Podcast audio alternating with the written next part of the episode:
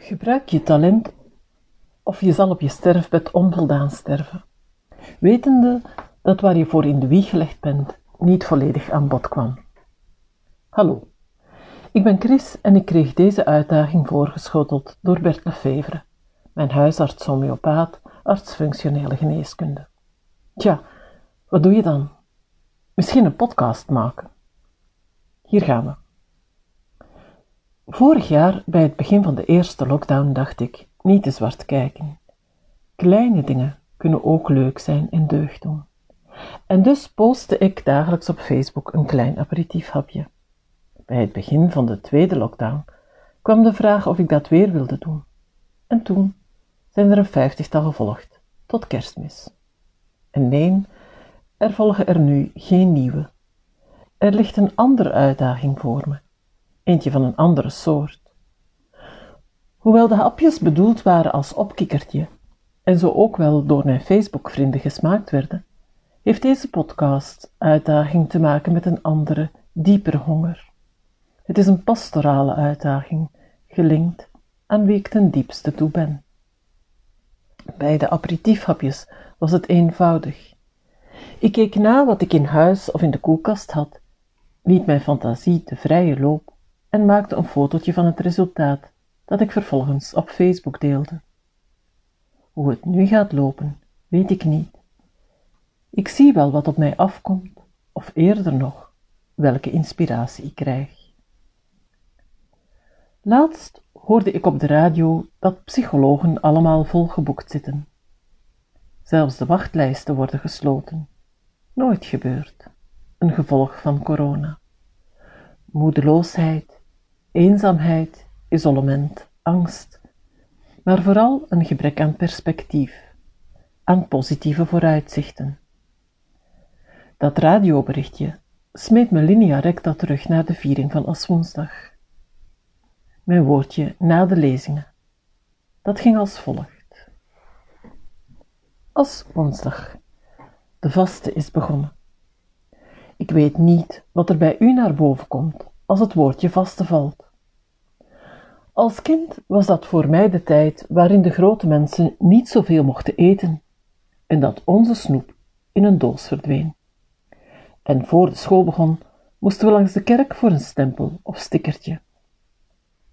Later verschoof de klemtoon, mede onder invloed van broederlijk delen, van het vooral fysiek dingen ontberen, minder eten, niet snoepen, naar een grotere bewustwording van de ongelijkheid tussen Noord en Zuid, arm en rijk.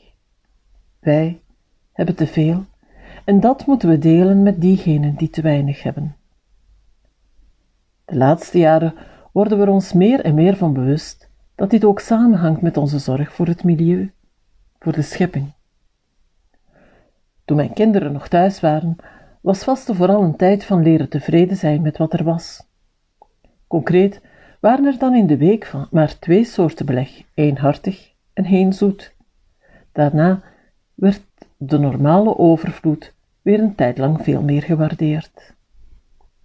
Vasten, minder eten, versterving doen, boete doen, versoberen, verminderen, loslaten, bewuster gaan leven, delen. En in de lezingen van woensdag klinkt dan nog eens de oproep om je terug te trekken in afzondering. Alleen, binnen kamers. Dat is vandaag toch wel iets om cynisch of zelfs kwaad van te worden. We zitten al een jaar lang in onze bubbel, in ons kot. We hebben al zoveel moeten inleveren. Sociale contacten, bezoek van en aan familie en vrienden. En minder eten en drinken. Hoe lang is het geleden dat we gezellig samen een pintje konden drinken? Eens lekker gaan eten of een terrasje doen? En erger nog, samen aan tafel met alle kinderen, schoon- en kleinkinderen. En nu moeten we nog gaan vasten ook. Wat doe je daarmee? Wat kan ik daarover zeggen? Bij de voorbereiding van het woordje kwamen twee gedachten in mij op. Eerst en vooral de vraag of er iets is om deze tijd nog te verminderen, los te laten. En dan denk ik voor mezelf, en ik vermoed toch wel voor heel wat mensen, aan klagen, sakkeren, boos zijn op de virologen, de politici.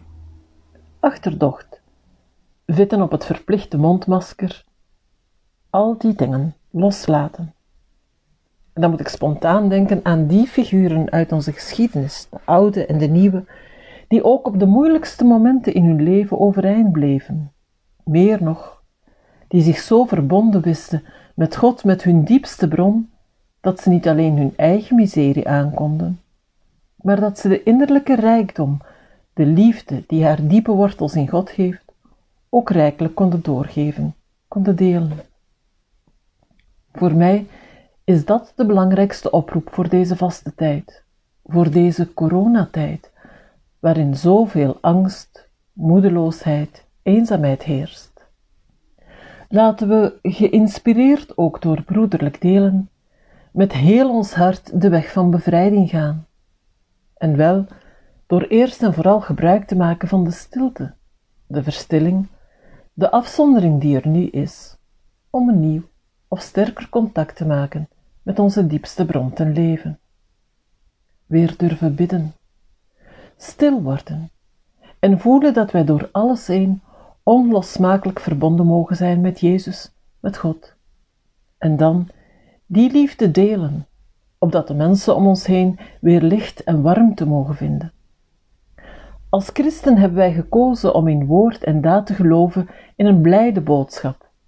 Laat ons in deze vaste kiezen om daarvan levende getuigen te zijn. Onze wereld heeft dit, heeft onze liefde, heeft Gods liefde, meer dan ooit nodig.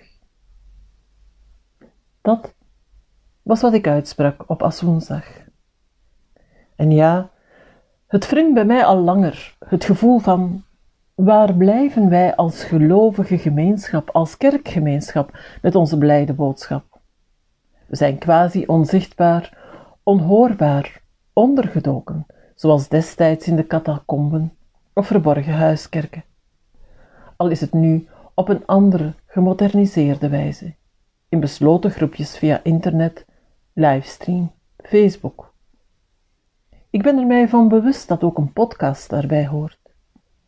Maar gezien de huidige coronabeperkingen is het zoeken naar een opening. Wat christen zijn ten diepste toe is en welke betekenis en meerwaarde dat kan geven aan ons leven, houdt mij al van jongs af bezig. En door een ruim 45 jaar pastoraal engagement is duidelijk geworden dat verkondiging mijn ding, mijn grootste talent is. Spreekbuis zijn, kanaal langs waar een boodschap van hoop mag klinken, in een verstaanbare taal. Dat is de uitdaging die voor me ligt.